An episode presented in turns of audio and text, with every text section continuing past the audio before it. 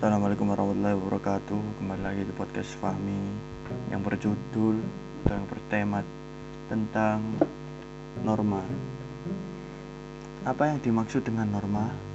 Norma secara hakikat adalah kaidah atau petunjuk hidup yang mempengaruhi tingkah laku manusia dalam hidup bermasyarakat. Norma juga dijadikan sebagai panduan, tatanan, dan pengadilan tingkah laku. Selanjutnya, apa jenis-jenis norma? Jenis-jenis norma ada empat yaitu norma agama, norma hukum, norma susila, dan norma kesopanan. Berikutnya, beberapa tujuan norma dalam kehidupan sehari-hari. 1. Norma bertujuan untuk menciptakan kenyamanan, kemakmuran, dan kebahagiaan bagi masyarakat. 2 Norma memiliki tujuan agar mampu mengatur perilaku masyarakat agar selaras dengan nilai yang berlaku. 3.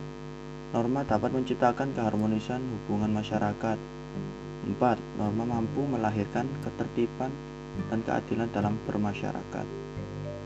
Dengan adanya norma, bisa membantu masyarakat dalam mencapai kesepakatan bersama dan menciptakan ketentraman bagi masyarakat. Norma memberikan sanksi kepada masyarakat yang melanggarnya. Di antara di antara lain adalah norma agama sanksinya dosa.